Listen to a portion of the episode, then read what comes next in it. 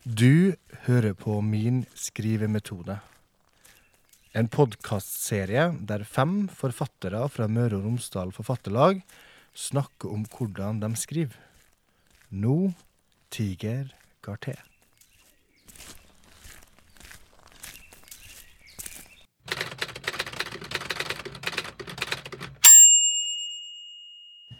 Mitt mål i alle skriveprosesser har, er at leseren skal kjenne på følelsen av å bli invitert inn i vårt univers. At vi like så godt kunne vært tilbake i steinalderen, og jeg var den som sa at kom hit, kjære dere, kom hit og sett dere rundt bålet, så skal jeg fortelle dere ei historie jeg er helt sikker på at vil fenge dere. Jeg heter Tiger Garté, og har skrevet til sammen seks bøker. Jeg debuterte i 2007 med romanen Burnout, som fikk en kjempeanmeldelse i Dagbladet samme dag som den utkom. Jeg var 25 år og hadde aldri drømt om å bli forfatter. Men denne boka skulle endre mye i livet mitt. Og i dag har jeg jobba som forlegger i bokbransjen i over ti år, og har i løpet av disse åra sittet på mange sider av det litterære bordet, noe jeg føler at jeg har lært veldig mye av, både som forfatter, men òg om bokbransjen og hva som skal til for å få utgitt en roman. Jeg håper at jeg i løpet av denne halvtimen både kan gi noen gode råd, men òg oppildne deg som har en drøm om å gi ut ei bok, om å aldri gi opp, men å kjempe med blod og tårer til den trykte boka di ligger i eske foran deg.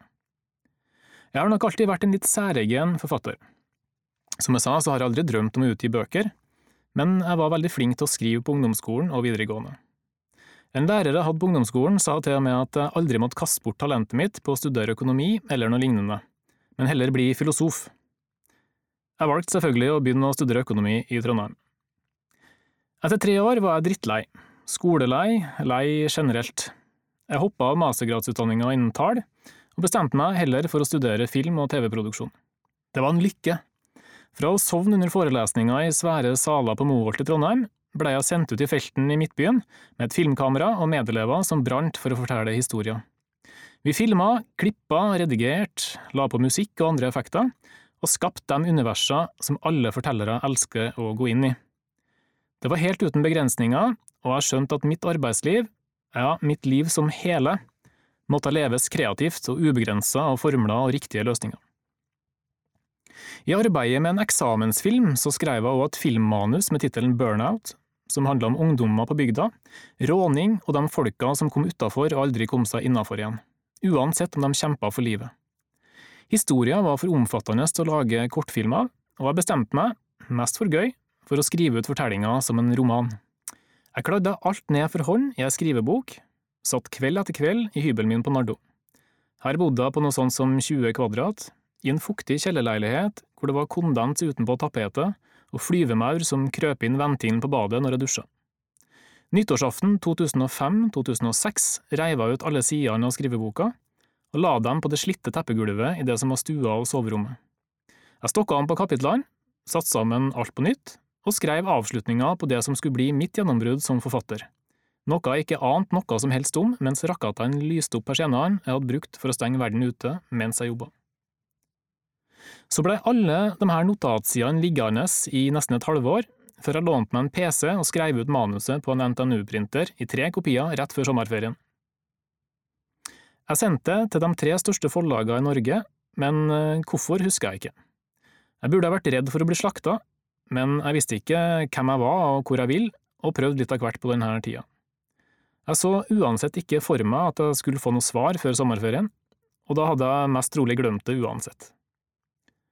Uka etterpå så hadde både Gyldendal og Aschehoug svara at de ville utgi Burnout som bok.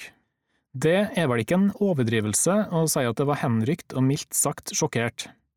Burnout kom etter hvert ut på Aschehoug forlag. Jeg fikk mye skryt for å ha skapt mitt helt egne språk og min egen stil over skrivinga. Det her bestemte jeg meg for å beholde, at jeg ikke skulle la meg påvirke for mye av det jeg leste framover. Jeg hadde aldri tatt noe litteraturutdanning, og det ville jeg heller ikke. Jeg skulle være gutten fra bygda som skrev rett fram, på godt og vondt. Dem som eventuelt ikke likte fikk lavere å lese med.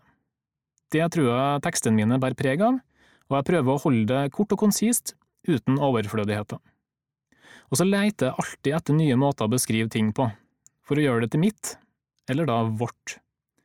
For jeg liker tanken om å ha leseren på samme lag. Den foreløpig siste boka mi, Dette dreper oss, er ei bok i grenselandet mellom ungdoms- og voksenroman, i likhet med debuten min Burnout. Den handler om en prepperfar som tar med seg sønnen og flytter i skogen for å leve som selvbergere når koronapandemien bryter ut i mars 2020. Faren har da i flere år forberedt seg på å leve isolert, i frykt for atomkrig, invasjon, pandemier og myndigheter. Han har ikke tiltro til at staten er forberedt og kan ta vare på landets innbyggere i en situasjon hvor det skjer et pandemiutbrudd. I romanen så får vi være med på forberedelsene til evakueringa, og får òg ta del i familiens liv mens det her ennå var forholdsvis normalisert. Men når det kommer til nåtidshistorier og livet i skogen, så skjønner leseren raskt at dette skal få store konsekvenser for både far og sønn. Jeg hadde jobba med denne romanen i et par år da covid-19-pandemien brøt løs. Det viste seg plutselig at jeg hadde skrevet ei historie som ble langt mer relevant og sannsynlig enn det jeg i utgangspunktet hadde kunnet forestilt meg. Det her var både spennende og skummelt. Hvordan ville leserne tolke denne likheten? Og ville de tro at jeg hadde skrevet fortellinga for å dra nytte av koronasituasjonen? Jeg gjorde bare noen få omskrivinger i sluttfasen med tanke på den ekstreme aktualiteten den fikk. Jeg ville ikke overdrive at det her hadde en fortelling som lå så tett opp til virkeligheten i en altomveltende situasjon for så mange. Fortellinga skulle være sånn som den var ment i startfasen av skrivinga, men noen få grep måtte gjøres for å få de to historiene til å gå inn i hverandre. Dette ble heldigvis også godt mottatt blant leserne. De viste seg å sette pris på en slik roman i den situasjonen vi befant oss, og noe av målet mitt ved å skrive den var å vise at vi i en situasjon med kaos og krise må være samla og tenke rasjonelt sammen. Ideen til Dette dreper oss fikk jeg for flere år siden, da jeg begynte å studere prepperkulturen i USA og den tiltakende interessen for det her i Norge. I USA var det her så ekstremt at mange familier kjøpte nedlagte militærbunkerser for å forberede seg på tidspunktet når the shit hits the fan. Researchen til boka ble mye gjort her, i tillegg til at jeg har en sønn som jeg begynte å gå mer og mer i skogen med og utforske bushcraft, hvordan man overlever på best mulig vis av det man finner ute i naturen både når det kommer til husly, varme og mat. De her to interessene glei over i hverandre, og slik skred prosjektet framover, med research på en kultur som lå ganske langt unna egen tankegang, men òg med praktisk utfoldelse i naturen og en historie om en far og sønn som skulle klare seg sjøl. Hvor jeg etter hvert brukte våre egne turer i villmarka til å dikte fra meg historie som kunne ha funnet sted og skjedd med andre. Også mine voksenromaner Burnout og Fuglehotellet skrev jeg på lignende måte ved å bruke erfaringer fra eget liv til å skape en fiktiv fortelling rundt dem her. Jeg tror at dette det her vil gå igjen i alle mine romaner framover. Et element eller en erfaring som jeg har sterkt i meg, som jeg kan bruke som en slags kompass i skrivinga, hvis jeg føler at jeg kommer på ville veier. Da må jeg ha noe viktig jeg kan strekke meg mot igjen, noe som betyr noe helt spesielt, og som ikke er vanskelig å strekke seg tilbake til, omtrent som en magnetisk pol. Faren i fortellinga heter Embrik, og sønnen Samuel er i en stadig dragkamp med seg sjøl om han skal tro på faren og følge hans eksempel, eller i hvor stor grad han skal vurdere situasjonen på egen hånd, og kanskje også bestride farens utsagn og meninger. Men når mora til Samuel dør, er det ikke mange andre enn faren igjen, og det blir enklere for Embrik å overbevise Samuel om sitt eget verdensbilde og potensielle trusler. På mange måter så blir Samuel et offer for faren og hans autoritære og strenge oppdragelse samt evne til å overbevise om sine meninger. I prosessen med å tilnærme meg de her to karakterene brukte jeg mye samspillet mellom sønnen min og meg sjøl i skogen på turene våre. Det var sjølsagt aldri nærheten av Embrik og Samuels opplevelser, men erfaringa med for eksempel å tenne bål i regn og snø, når vi var kalde og slitne, gjorde at jeg så hvordan kritiske situasjoner kunne spille inn på hvordan vi forholdt oss til hverandre. Det gjaldt òg for eksempel fisking og bygging av leir under dårlige forhold. Det ble en lavere terskel for å bli sur og sint på hverandre, når stresset og alvoret tok oss. Det ble lettere å forestille seg en ekstremsituasjon som Samuel og Embrik havna i, og jeg ville aldri kunne sette meg såpass inn i deres erfaringer og opplevelser av det hvis det ikke var for research i forkant og egne praktiske erfaringer i skogen og fjellet sammen med sønnen min i tillegg. Jeg unnlot med vilje å spise mye før turene, og kjente hvordan en begynnende sult gjorde seg gjeldende. Jeg trenger denne tilnærminga til karakterene mine i skrivinga. De må bli en del av meg, og jeg må kjenne på deres gleder og redsler, sorger og tanker om fremtid og fortid. Hvis ikke blir de flate karakterer for meg sjøl, og dermed òg for leserne. Dette har nok to årsaker. For det første så har jeg aldri gått en forfatterskole, og den typiske tilnærminga til å bygge karakterer har jeg aldri tatt del i eller praktisert sjøl. Jeg må delvis bli dem for å kunne skrive dem ut. For det andre er skrivemetoden min ganske intuitiv. I motsetning til mange andre forfattere, som plotter mye av romanen først, har jeg en tendens til å se alt i hodet fra starten og skrive meg fremover i filmen som jeg ser for meg. På ungdomsskolen og videregående førte jeg alltid inn stiler og eksamener i norsk med penn, uten å klare noe først. Jeg hadde historier i hodet fra første setning. Det har jeg nok utvikla i romanskrivinga mi òg. Som en sjakkspiller ser jeg veldig mange trakk fram i tid mens jeg skriver, og det er noe som pirrer meg som forfatter. Det kan òg ha mye å gjøre med bakgrunnen min fra filmfaget, og jeg tenker at dette òg kan være til mulig inspirasjon for andre skribenter. Du trenger ikke å gjøre romanprosessen kjedelig ved å legge alle handlingslinjene inn i et Excel-ark først. For meg gjør det òg skriveprosessen enda mer givende, i stedet for en slags pliktetappe med å skrive ut det som jeg allerede hadde planlagt. Det er mye mer spennende å faktisk kunne overraske seg sjøl med hvordan handlinga skrider fram. Og ja, jeg veit at dette kan være veldig forskjellig fra forfatter til forfatter, men finn din beste metode. For å ta deg med litt inn i hvordan jeg tenker at skrivinga mi ligger tett opp til det filmatiske, som flere anmeldere også har påpekt, vil jeg lese starten av dette dreper oss.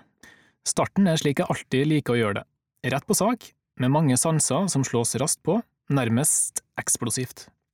Jeg vil by leseren på en så sterk opplevelse av å være til stede i fortellinga der og da, når det skjer, at hun eller han ikke skal klare å løsrive seg fra det, helst ikke før historia i sin helhet er fortalt. Slik begynner dette dreper oss. Kapittel 1 August 2020 Det er helikopterdrønnet som vekker oss. Fatter er oppe først, han røsker i meg her jeg ligger i hengekøya, roper Nå kommer dem, nå kommer dem, for faen, Samuel, nå kommer dem! Jeg prøver å sette meg opp, ser inn i det vanvittige blikket hans. For helvete, Samuel, kom deg i klærne og forbered evakuering! Magen min har slått seg vrang, og den ramme lukta av svette og skitt driver opp fra hengekøya mi. Angsten har tatt strupegrep igjen, bobla i meg gjennom natta. Jeg ser meg rådvill rundt i hytta, hører den tunge spinningen til helikopterrotoren et sted langt der oppe, over presenningen, hytta vår som skulle ligge så skjult i terrenget at ingen kunne oppdage oss. Hører du for faen ikke hva jeg sier, roper fatter, Kommer du ikke nå, er vi ferdige. Jeg klyver opp av køya i ørska, vipper meg over kanten og setter føttene ned på det kalde steinhellene. Skjelver, fatter røsker i meg igjen, han er vill i blikket, verre enn han pleier. Jeg er som en oppskremt hund, vet ikke hvor jeg skal plassere beina. Jeg må prøve å roe meg, gjøre det vi har terpa på mange ganger. Selv om kroppen er støl og sultefòra, tar det ikke mange sekundene før jeg har fått på meg dyreskinnene og lærskoa. Fatters formaninger ringer i ørene mine. Evakueringsstrategi og utføringsteknikk. Gjennom sprekkene i veggen ser jeg at det er lyst ute, de må ha begynt letinga allerede ved daggry. Kanskje har de gått gjennom skogen og over fjellet i natt for å speide etter bålet vårt. Jeg tar kniven, stønner fatter idet han strener forbi soveavlukket mitt, så tar du buene. Fort, vi må dekke til hytta enda mer, møt meg på baksiden. Ok, sier jeg. Kroppen stritter imot, men jeg vet at vi må gjøre dette. Skjule oss, ikke bli oppdaga. Fatter er villig til å drepe for dette, Kanskje blir jeg selv drept om det oppstår en konfrontasjon mellom oss og dem. Buene henger fra ei grein på veggen ved bålplassen vår. Lufta er tørrere her i fellesområdet, bedre for buene og komposittblandingen i pilene. Pilspissene har vi kvesset kvasse som barberblader. Fatter kommer hastende mot meg med den svære bowiekniven ute av sliren. Han har matrester i skjegget, har sikkert grafsa til seg noe av det tørka rådyrkjøttet. Jeg håper han har tatt med noe til meg også. Helikopterduringa kommer nærmere, støyen fra rotorbladene dundrer mellom trekronene, jeg kjenner vindkastene fra dem gjennom glipene i veggen foran meg, som kald G-kraft mot kroppen. Men fremdeles ser vi ingenting, forhåpentligvis har ikke de sett oss heller, hytta vår, jorda vår. Granbare, Samuel! Fatter freser, vinker med den nakne, sotede høyrehånda. Kvalmen stiger lynraskt i meg, som en utskytningsrampe på tivoli, og jeg kjenner den beske smaken av oppkast nederst i spiserøret. Jeg følger etter fatter, halter på den ene foten som har dovna bort. Jeg kaldsvetter og er svimmel, går ustødig etter han. Han stikker bak hjørnet på den lafta hytteveggen, gir seg til å hive fram granbarkvister som jeg lemper videre opp på taket av spent presenning. Med så mye kvist og granbar kan det gå hull i presenningen som vi kanskje aldri får bøtt. Men det er bedre enn å bli oppdaga, bedre enn å bli drept. Drønnet fra helikopteret forplanter seg som tunge amboltslag i kroppen. Jeg kjenner trang til å kaste opp, bli kvitt denne kvalmen. Vurderer nesten å overgi meg, kapitulere, men jeg vet at fatter ville klikka da, at han ville forsøke det som trengs for å hindre meg. Det gjør meg livredd, redd for mitt eget liv her oppe i denne bortgjemte skogsglenna. Jeg hjelper fatter, vi svetter og sliter, kaver og puster tungt. Jeg snubler i bensinkanna til aggregatet, kommer meg opp igjen, må unngå søkelyset til helikopteret som fortsatt henger på himmelen. Vi har ikke klart å stikke av likevel, ikke kommet oss unna uten å legge igjen spor. Nå må de ha funnet oss, etter snart seks måneder. Vi er ikke en del av samfunnet lenger, kan de ikke bare la oss være i fred? Nesten alt granbaret er kasta på taket da fatter roper Søk dekning ved berget bak hytta! Snik deg forbi steinen og vær klar til å flykte videre gjennom skogen. Uten noe mat eller annen oppakning. Jeg løper i ryggen på fatter, støtter meg mot berget, kjenner de skarpe steinflakene rispe opp underarmen min. Svettelukta til fatter setter seg i nesegangene mine. Adrenalinet har gjort munnen helt tørr og etterlatt seg en metallisk blodsmak, som om jeg hadde en gammel mynt i kjeften. Vi legger oss under noen skakkvokste bjørker i lia. Evakueringspost 1. Så godt som dekket av de gulgrønne bladene, med ryggen mot det stålkalde berget. Svetten og den våte hinna på steinen klistrer meg til den og sender tunge kuldestøt gjennom kroppen. Det er like før jeg hyperventilerer, og vi sitter så nær hverandre at jeg kjenner fatters tunge hjerteslag mot meg. Jeg knuger det slitte tøystykket jeg har i lomma, klamrer meg til tanken om at mamma også er med på dette. Her så begynner jeg rett på sak, og setter leseren inn i en situasjon som er både intens og uoversiktlig. Det skal være vanskelig å ikke kjenne på det samme angstfylte stresset som Samuel befinner seg midt oppi. Og så gir begynnelsen en pekepinn om at noe drastisk har skjedd og forrykka harmonien i livene til gutten og faren og at noe verre kan skje i løpet av kort tid. Det er et eh, typisk Hollywood-grep, og det fungerer like godt i en norsk ungdomsroman. Samtidig så kommer det en eh, vag pekepinn om at Samuel har med seg mora si midt oppi det hele, og det skal vi selvsagt komme tilbake til. I det hele tatt innbyr begynnelsen til like mange, om ikke flere, spørsmål enn svar om hva som foregår. Og håpet mitt det er at leseren skal tenke at denne reisa, den vil jeg være med på. Og når jeg skriver det, så tenker jeg noe av det samme. Jeg er spent på hvor det her skal ta oss, hvordan det skal ende. Jeg er med leserne mine, jeg prøver å innta deres plass i fortellinga, den jakttagernes plassen, som ser historia skride fram foran oss. Denne måten å skrive på gjør for meg at den første versjonen jeg kladde ut av en roman, alltid er nettopp det. Et veldig råutkast som må jobbes eh, svært mye med, fram og tilbake, mot en eventuell utgivelse. Så der skiller romanjobbinga seg fra norskstilene på ungdomsskolen. I den første fasen så er jeg så godt som 100% kreativt fokusert, mens i de siste fasene så er jeg så detaljfokusert at det nesten gjør vondt.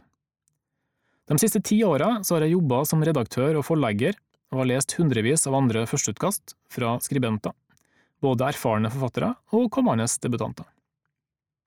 Ofte har jeg opplevd at å få komme inn tidlig i en skriveprosess og få kunne være med og ta del i den videre prosessen og følge opp fortløpende, ofte kan gi gode sluttresultat.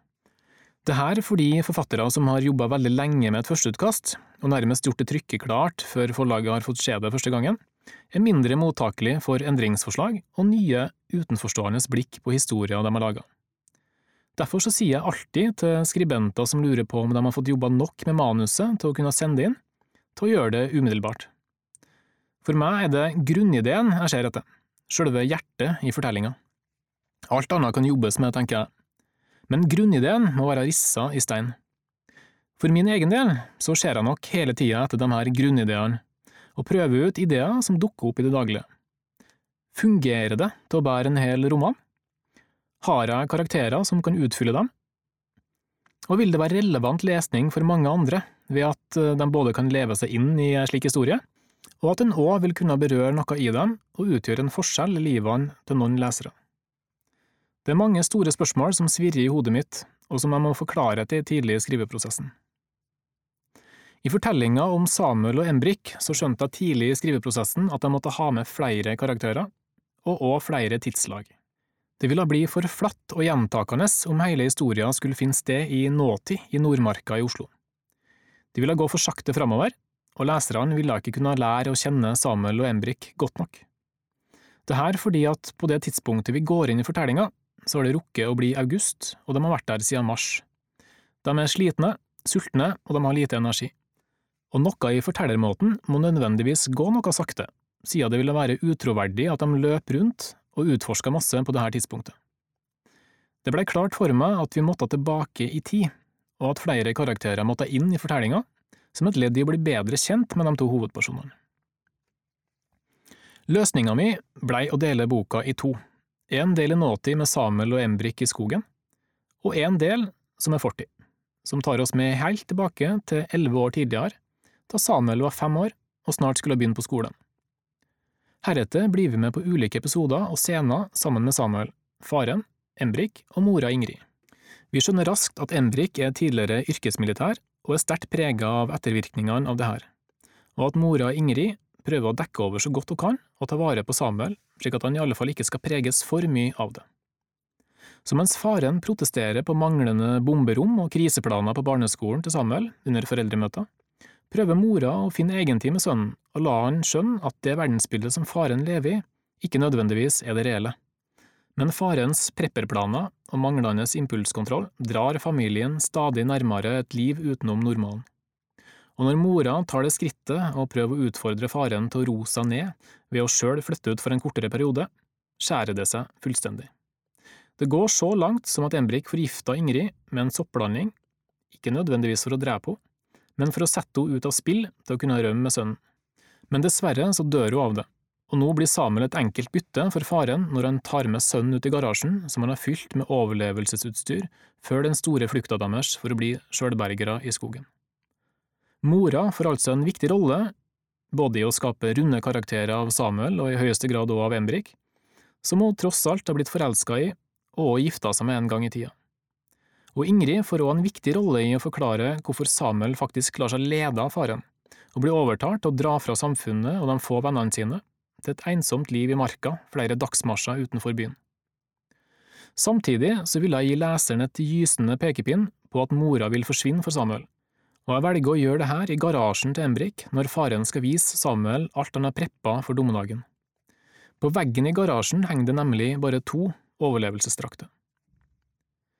De her fortidsdelene, som har som rolle å både fortelle leserne bakgrunnen for at Samuel og faren har valgt å leve som selvbergere ute i marka, men òg skal si mye om hva som ligger i personligheten deres og er beveggrunnen for deres handlinger, kunne ha vært skrevet ut som vanlige preteritumstekster, med overskrifter som signaliserte hvilket tidsrom vi var tatt med tilbake til som lesere. Men jeg ønska å gjøre et eller annet grep som gjorde de her fortidskapitlene mer levende og mer personifisert gjennom vår hovedperson Samuel. Løsninga grunna jeg lenge på.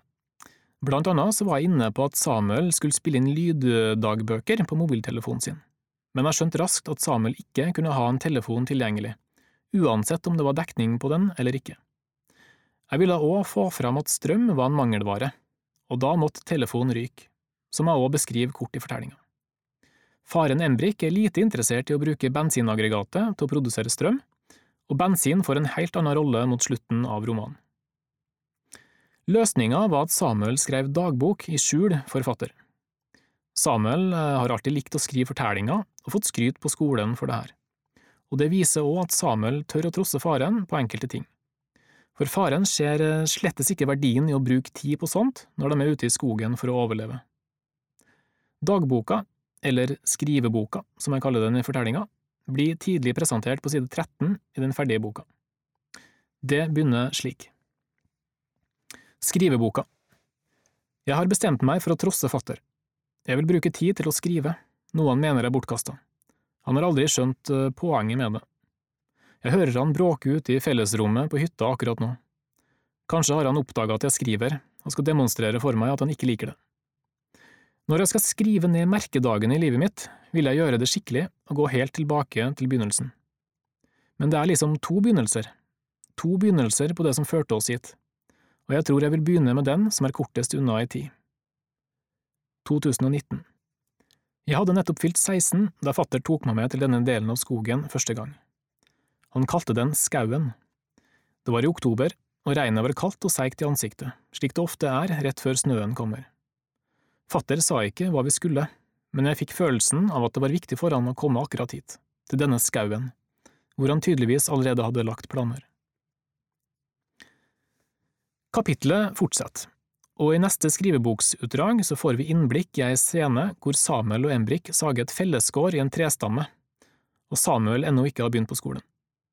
Vi skjønner at Samuel savner denne tida, den tida da faren var trygg og forutsigbar. Et annet, mer dramatisk eksempelkapittel fra skriveboka, som kommer langt seinere, og òg begynner med det jeg tenker er den beste enkeltsetninga i hele boka, er som følger. Skriveboka September 2019 Jeg fikk kjøre shotgun i jeepen til fatter den morgenen mamma døde. Vanligvis måtte jeg sitte baki, enten fordi mamma satt på, eller fordi fatter hadde forsetet fullt av utstyr til nødlageret vårt. Men nå hadde han rydda plass til meg. Fatter sa at det hadde vært en utvikling på sykehuset. Vi humpa av gårde over sølepyttene i grusveien. Gjørma skvatt oppetter det kamuflasjelakkerte karosseriet på militærbilen. Hodet mitt slo mot veltebøylene. Jeg lot det slå. Det hjalp meg å få noen av tankene om mamma ut av hodet. Siste gang jeg hadde sett henne på sykehuset, hadde hun slanger gjennom både nese og munn og var koblet til en maskin som viste hjerterytme og mange andre tall som helt sikkert var livsviktig for henne, og ikke måtte falle under visse verdier.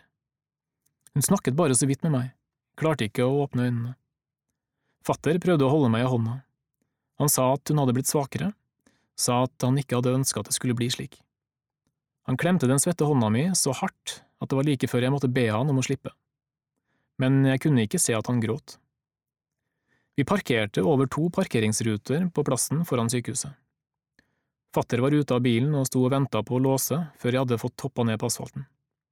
Han tok meg ikke i hånda nå, men la høyrearmen sin bak ryggen min da vi gikk bortetter den beksvarte asfalten. Jeg husker jeg kikka opp på vindusruten i det gamle bygget og så for meg mamma innenfor et av glassene tørr og bleik i huden. De lange korridorene innover i sykehuset var en utmattende labyrint. Fatter rota med å finne fram, selv om han hadde vært her mange ganger før, mange flere ganger enn jeg. Det er her hun ligger nå, sa han bare. Vi sto utenfor ei fin tredør, og det var ikke like urolig her som det var på resten av sykehuset. Og brått skjønte jeg hvordan det hang sammen, hva som hadde skjedd. Gråten slo innover meg og nekta å slippe taket. Bare dro meg ut på smertehavet. Ei pent kledd dame kom ut døra og nikka til oss mens hun holdt den åpen. Mamma lå ikke i ei kald sykehusseng av metall, som jeg alltid grua meg til å se. Hun lå i ei fin, gammel seng, hvor rammen måtte være av mørk eik.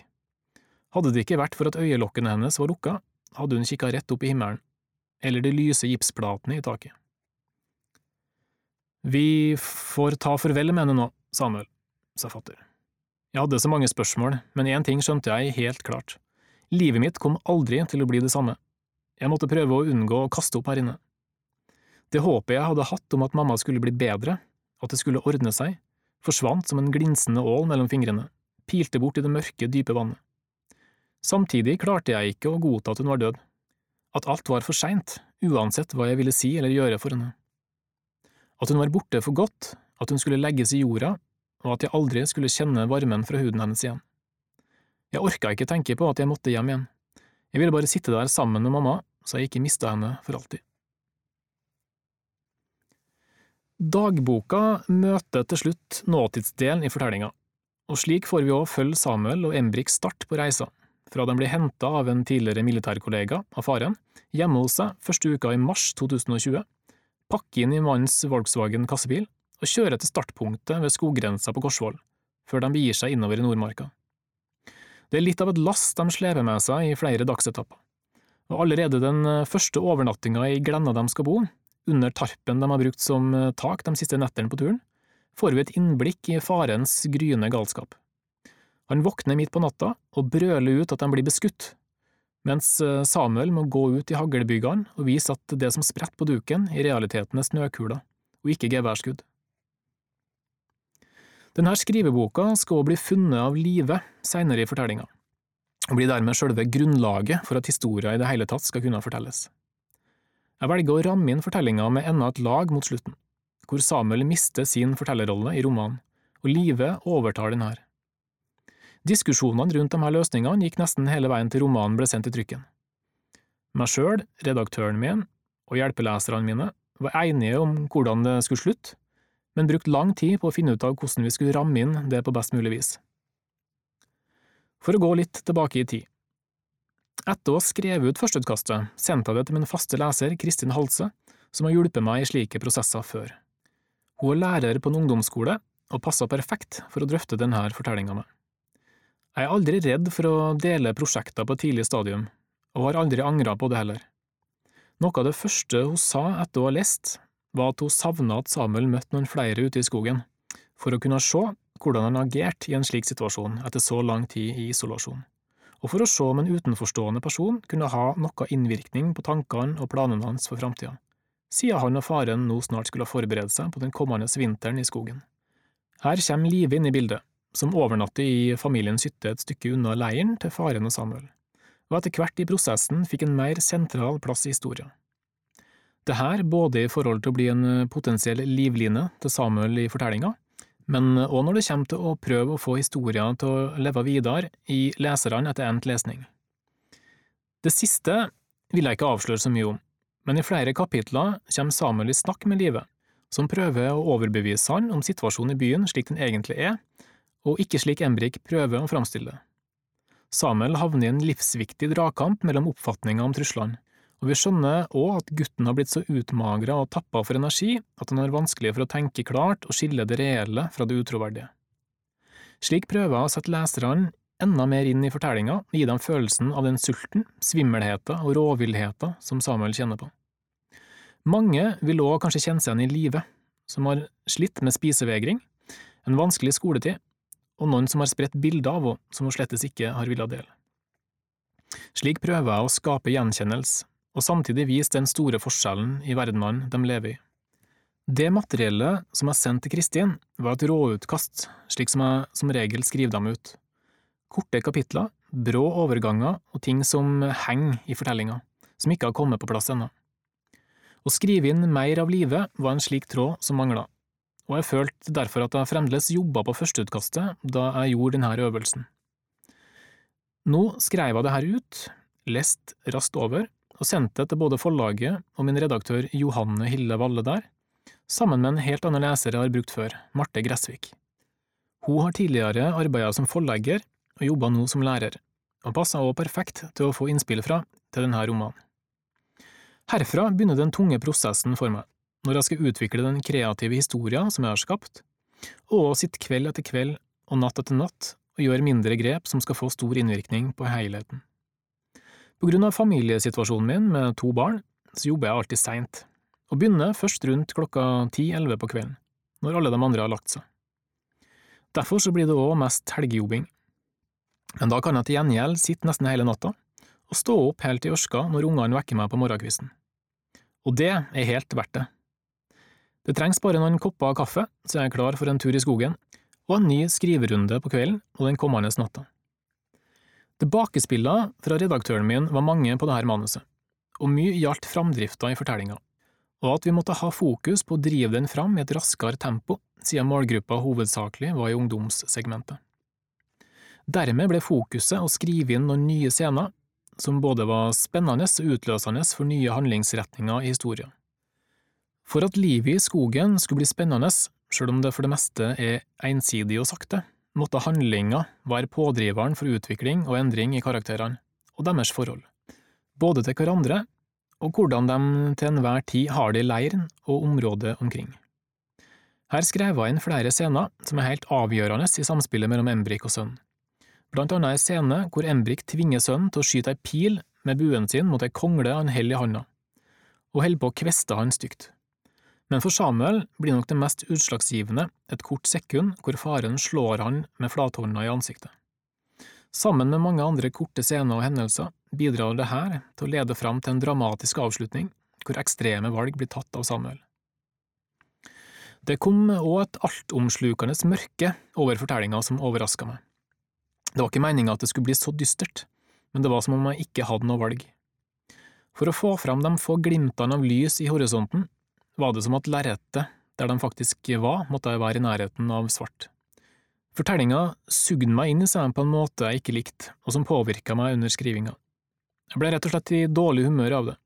Jeg var gått opp i den, og kanskje var det noe av grunnen til at den av så mange har blitt sett på som troverdig og vanskelig å ikke la seg påvirke av. Samuels kamp for livet blei høyst reell både i meg som forfatter og dem som leste. Jeg håpte at det skulle gå godt med han, og prøvde mitt beste.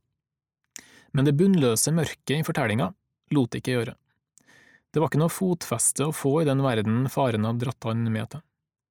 Samuels skjebne var nok på mange måter bestemt allerede før jeg gikk i gang med å skrive ut fortellinga om han. Kapittel 32 November 2020 Natt til mandag 23. november legger jeg meg i hengekøya og vet at jeg ikke kommer til å sove. Jeg skal vente til jeg hører den surklende snorkinga til fatter, og så skal jeg dra herfra. La fatter våkne og finne hytta tom. Planen er helt for jævlig. Samtidig vet jeg at jeg må gjennomføre den, at det er min eneste mulighet til å komme meg levende ut av dette. Tanken på å dra fra fatter spiser meg ikke opp, men er som en farlig bakterie, jeg må bare hanskes med den, ikke stritte imot, men godta den, tror jeg. La feberen herje, prøve å la det brenne ut, men jeg vet ikke, jeg vet ingenting. Det jeg har med meg, er orda som Live sa til meg før hun dro fra hytta, dro fra meg her oppe i skogen. Forskjellen på å leve og å overleve handler om innstilling, sa hun. Å leve handler om å nyte øyeblikket. Overlevelse handler om å komme seg igjennom. Jeg gjentar orda for meg selv og tenker på alt livet fortalte om byen, om verden, om hvordan alt visstnok er, om at vi kan stå sammen mot pandemien. Jeg ser henne for meg, klar, men diffus på samme tid, som ei luftspeiling i ørkenen. Det er stille, men jeg ligger stadig og hører etter lyder fra fatter. Prøver å finne ei ok liggestilling i hengekøya, men heller ikke for behagelig slik at jeg sovner.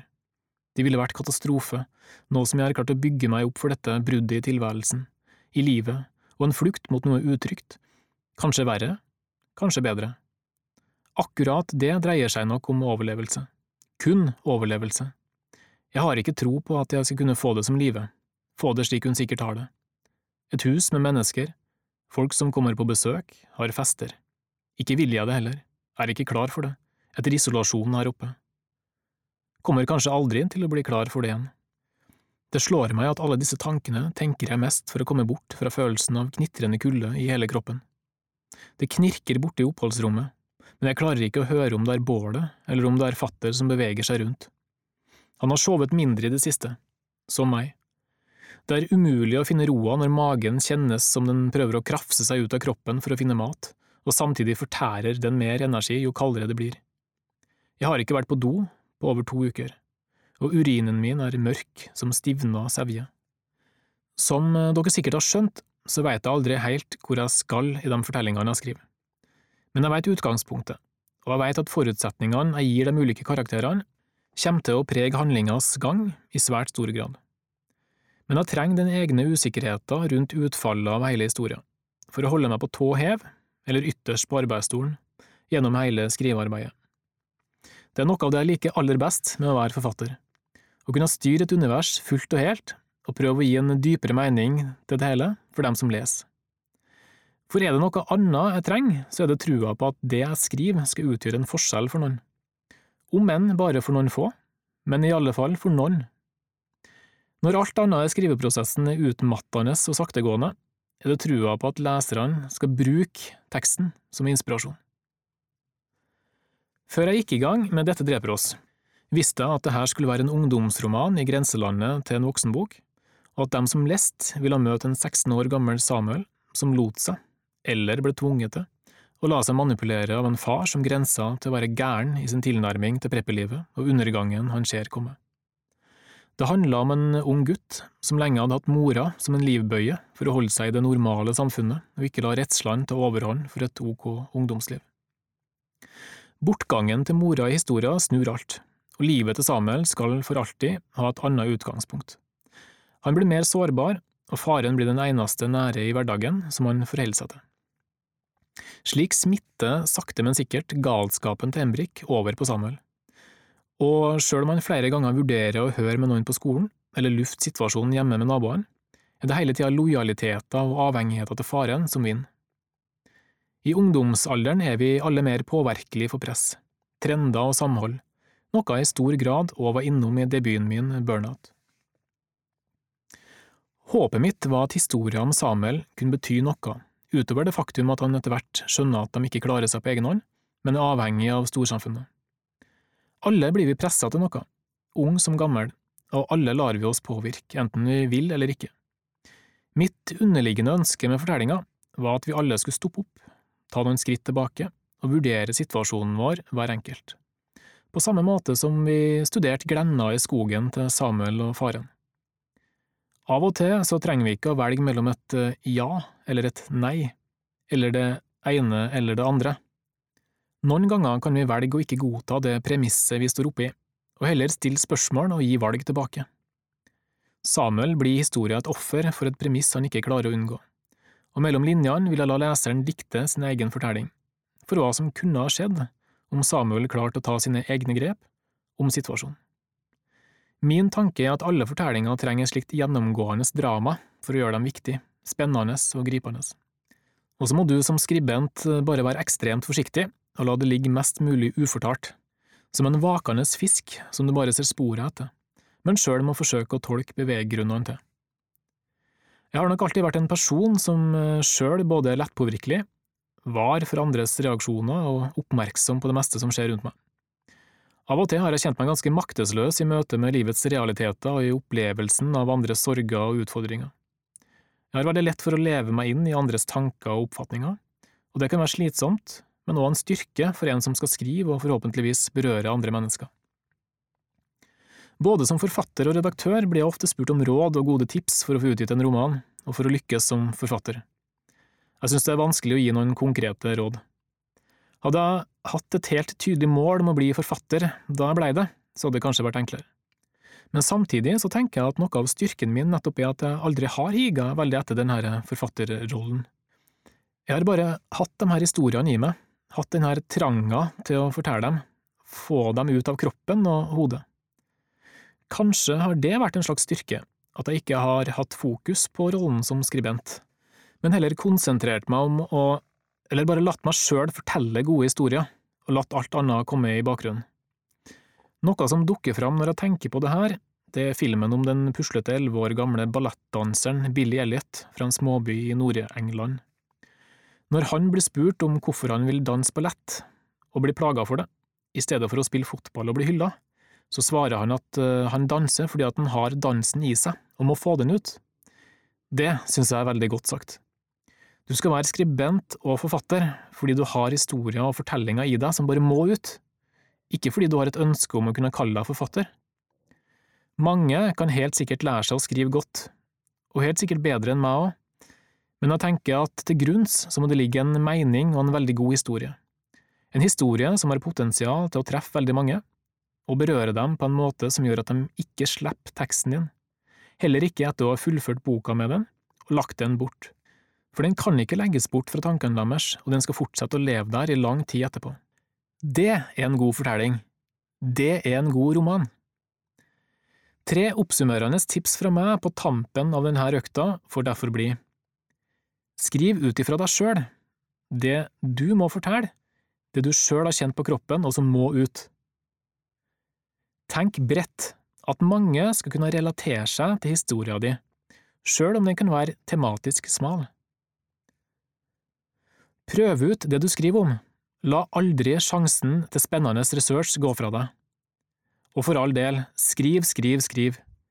For hardt arbeid slår som regel talent, og det å skrive gode romaner er hardere enn de fleste kan tenke seg.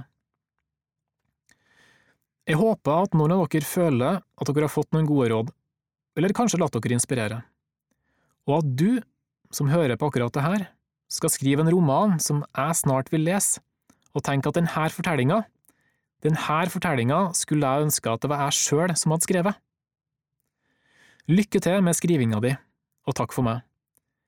Nå slukker jeg bålet og går, for natta kommer snart, og natta er skrivetid for meg. Du hørte nå på Min skrivemetode, en podkastserie fra Møre og Romsdal Forfatterlag og Norsk Forfattersentrum Midt-Norge.